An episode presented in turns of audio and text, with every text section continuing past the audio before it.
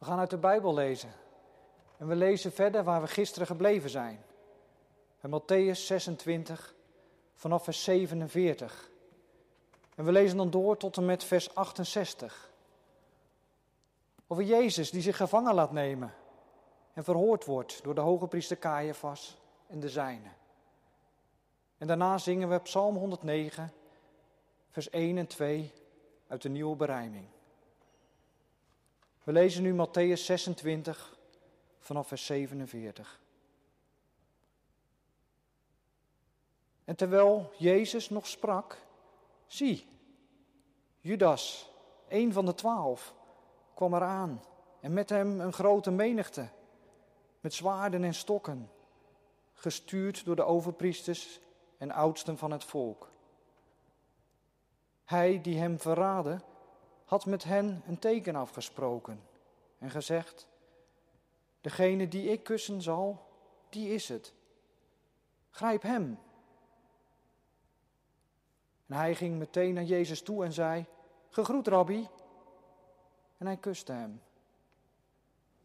Maar Jezus zei tegen hem: Vriend, waarvoor bent u hier? Of anders vertaald: Doe waarvoor je gekomen bent. Toen kwamen zij dichterbij, sloegen de handen aan Jezus en grepen hem. En zie, een van hen die bij Jezus waren, stak zijn hand uit, trok zijn zwaard, trof de dienaar van de hoge priester en sloeg hem het oor af. Toen zei Jezus tegen hem: Doe uw zwaard terug op zijn plaats. Want allen die naar het zwaard grijpen, zullen door het zwaard omkomen. Of denkt u dat ik mijn vader nu niet kan bidden? En hij zal mij meer dan twaalf legioenen engelen ter beschikking stellen? Hoe zouden anders de schriften vervuld worden, die zeggen dat het zo geschieden moet? Op dat moment sprak Jezus tot de menigte Bent u er met zwaarden en stokken op uitgegaan als tegen een misdadiger om mij te vangen? Dagelijks zat ik bij u in de tempel om onderwijs te geven en u hebt mij niet gegrepen. Maar dit alles is geschied, opdat de schriften van de profeten vervuld zouden worden. Toen verlieten al de discipelen hem en vluchtten. Zij die Jezus gegrepen hadden, leidden hem weg naar Caiaphas, de hoge priester, waar de schriftgeleerden en oudsten bijeengekomen waren. Petrus volgde hem op een afstand, tot aan het paleis van de hoge priester. En toen hij naar binnen gegaan was, zat hij bij de dienaars om het einde te zien. De overpriesters en de oudsten en heel de raad zochten een valse getuigenverklaring tegen Jezus, zodat zij hem zouden kunnen doden, maar zij vonden niets. En hoewel er veel valse getuigen gekomen waren, vonden zij niets. Maar tenslotte kwamen er twee valse getuigen die zeiden: Deze heeft gezegd: Ik kan de tempel van God afbreken en hem in drie dagen opbouwen.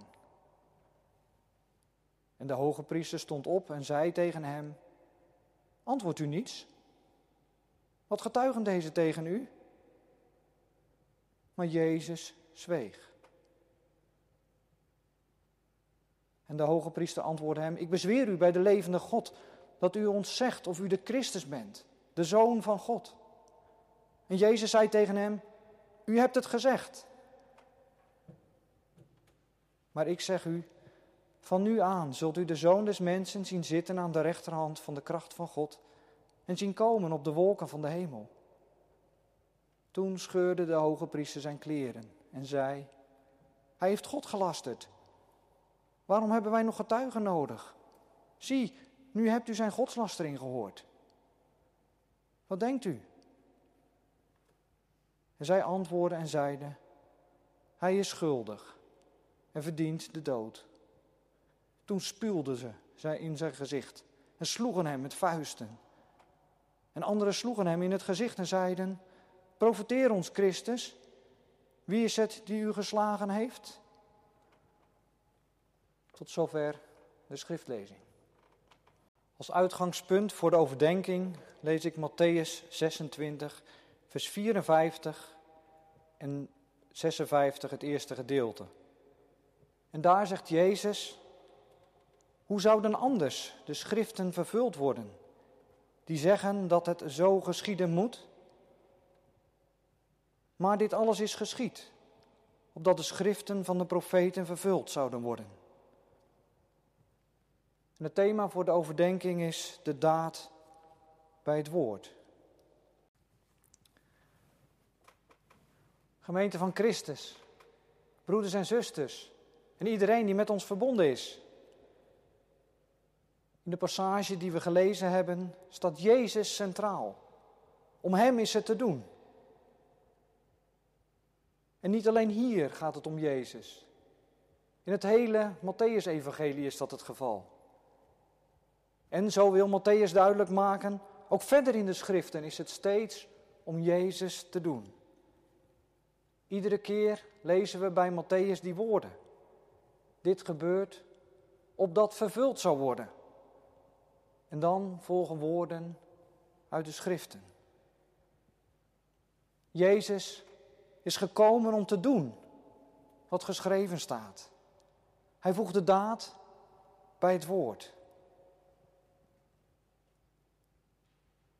Opvallend is dat in deze passage Jezus zelf tot twee keer die woorden op de lippen neemt over het vervullen van de schriften. Wat hier gebeurt is niet iets wat Jezus zomaar overkomt. Het is geen ongelukkige samenloop van omstandigheden. Wat Jezus doet, doet hij wel bewust en doelbewust. Jezus is niet de enige die de daad bij het woord voegt in deze passage. Ook Judas doet dat. En Petrus. En alle discipelen. En ook Caiaphas, de hoge priester. Allemaal voegen zij de daad bij het woord. En zo worden de schriften vervuld. Gebeurt er wat er moet gebeuren. Eerst Judas, een van de twaalf. Nauwelijks te onderscheiden van die andere discipelen. Dagelijks is hij met Jezus opgetrokken. En hij kent Jezus door en door. Zelfs in het donker van de nacht kan hij Jezus herkennen. Maar Jezus erkennen als Heer, dat doet hij niet. Dat kan dus blijkbaar met Jezus leven en Hem toch niet erkennen als Heer van je leven. Voor Judas is Jezus gewoon een rabbi. Als Jezus bij de paasmaaltijd zegt dat een van de twaalf hem zal verraden, zeggen de andere discipelen, ik ben het toch niet, Heer? En Judas zegt dan bijna hetzelfde, maar toch net iets anders. Ik ben het toch niet, rabbi? En nu, op het moment zelf, bij Judas daad van verraad, zegt hij weer dat woord, rabbi. Gegroet, rabbi. Toch doet Judas slechts wat hij moet doen. Dat blijkt ook uit Jezus' reactie. Die reactie die kan vertaald worden met een vraag of met een opdracht. Maar een opdracht ligt hier meer voor de hand. Want voor Jezus is het geen vraag wat Judas komt doen. En wat hij doet is ook wat er moet gebeuren. En daarom zegt Jezus hier tegen Judas: Doe waar je voor gekomen bent. En dan voegt Judas met zijn handlangers de daad bij het woord. Ze komen dichterbij en ze grijpen Jezus vast.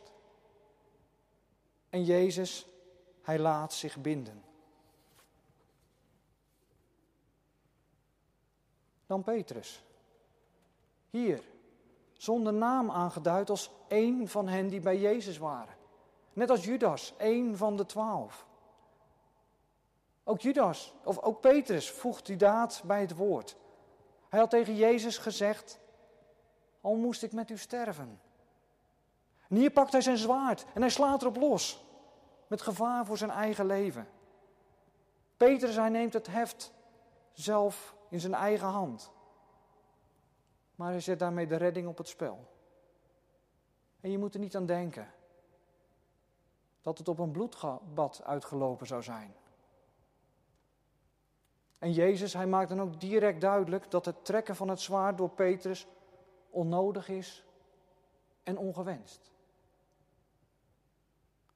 Onnodig omdat Jezus meer dan twaalf legioenen engelen ter beschikking staan. Voor Jezus één, voor elk van de discipelen één, behalve Judas dan. Het is ook ongewenst, omdat dit moet gebeuren. Jezus zegt dat hier zelf, dit moet gebeuren. Hoe zouden anders de schriften vervuld worden? Juist hiervoor is Hij gekomen. Als Jezus hier als een misdadiger gevangen genomen wordt, gebeurt wat de profeet Jezaja gesproken heeft. Hij gaf zijn leven prijs aan de dood en liet zich onder de misdadigers rekenen, omdat hij de zonde van velen gedragen heeft.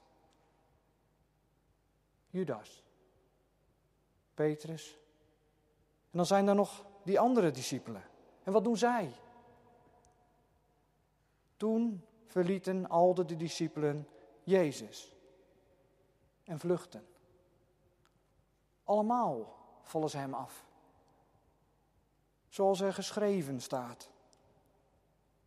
Ik zal de herder doden en de schapen van zijn kudde zullen uiteengedreven worden. Jezus, hij gaat de dood in en zijn volgelingen behouden het leven. Jezus staat voor hen in en zijn volgelingen gaan vrij uit.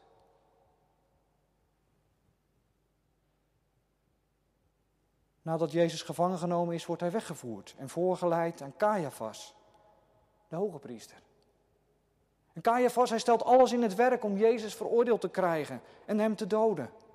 Daar was het Caiaphas om te doen. Twee dagen geleden had hij hier overleg over gehad met de leiders van het volk. En ze hadden een plan beraamd en besloten om Jezus door middel van een list te grijpen en hem te doden. En nu? Hij voegt de daad bij het woord. Om Jezus veroordeeld te krijgen, wordt echt alles uit de kast gehaald. Veel valse getuigen worden opgetrommeld. En Jezus zijn woorden, ze worden verdraaid. En Jezus, wat doet hij? Wat doet Jezus op dit allesbeslissende moment en er geen grond gevonden wordt om hem te veroordelen? Jezus zegt geen woord. Hij zwijgt. Onschuldig als hij is, ondergaat Jezus alle onrecht. De spot, de vuistslagen en het blindemanspel dat ze met hem spelen. Gewillig, geduldig, bereidwillig tot en met. Zoals in dat schriftwoord van de profeet Jezaja. Hij verzette zich niet. En hij deed zijn mond niet open. Als een lam werd hij ter slachting geleid. Als een schaap dat stom is voor zijn scheerders. Zo deed hij zijn mond niet open. Slechts één keer doet hij zijn mond open. Voegt hij het woord bij de daad.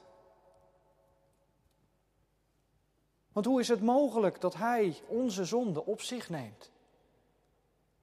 Hoe kan zijn dood het leven betekenen voor ons? Dat is niet vanzelf sprekend. Dat kan alleen omdat Jezus de gezalfde van God is. Hij is Jezus, de Messias, de Zoon van God.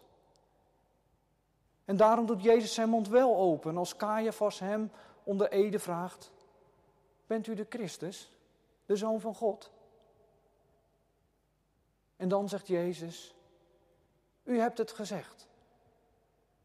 Met andere woorden, ja, dat ben ik. Verlossingswoord een verlossingsdaad die komen hier samen. In Jezus en in zijn stervensnood hebben wij Gods diepste woord vernomen. Aus Liebe wil mijn Heiland sterben. Von einer Sünde weiß er nichts. Dass das ewige Verderben und die Strafe des Gerichts nicht auf meiner Seele bliebe. Dat is, uit liefde wil mijn heiland sterven. Al zijn zonde bij hem niet gevonden. Opdat de eeuwige ondergang en de straf van het laatste oordeel niet op mijn ziel blijft rusten. Jezus voegde de daad bij het woord. En omdat Hij alles heeft volbracht, worden van ons geen daden meer verwacht. En voor wat Hij deed, daar heb ik geen woorden voor. Dan doe ik er het zwijgen toe. Hij voor mij. Daar kan ik niet bij. Daar word ik stil van. In deze stille week.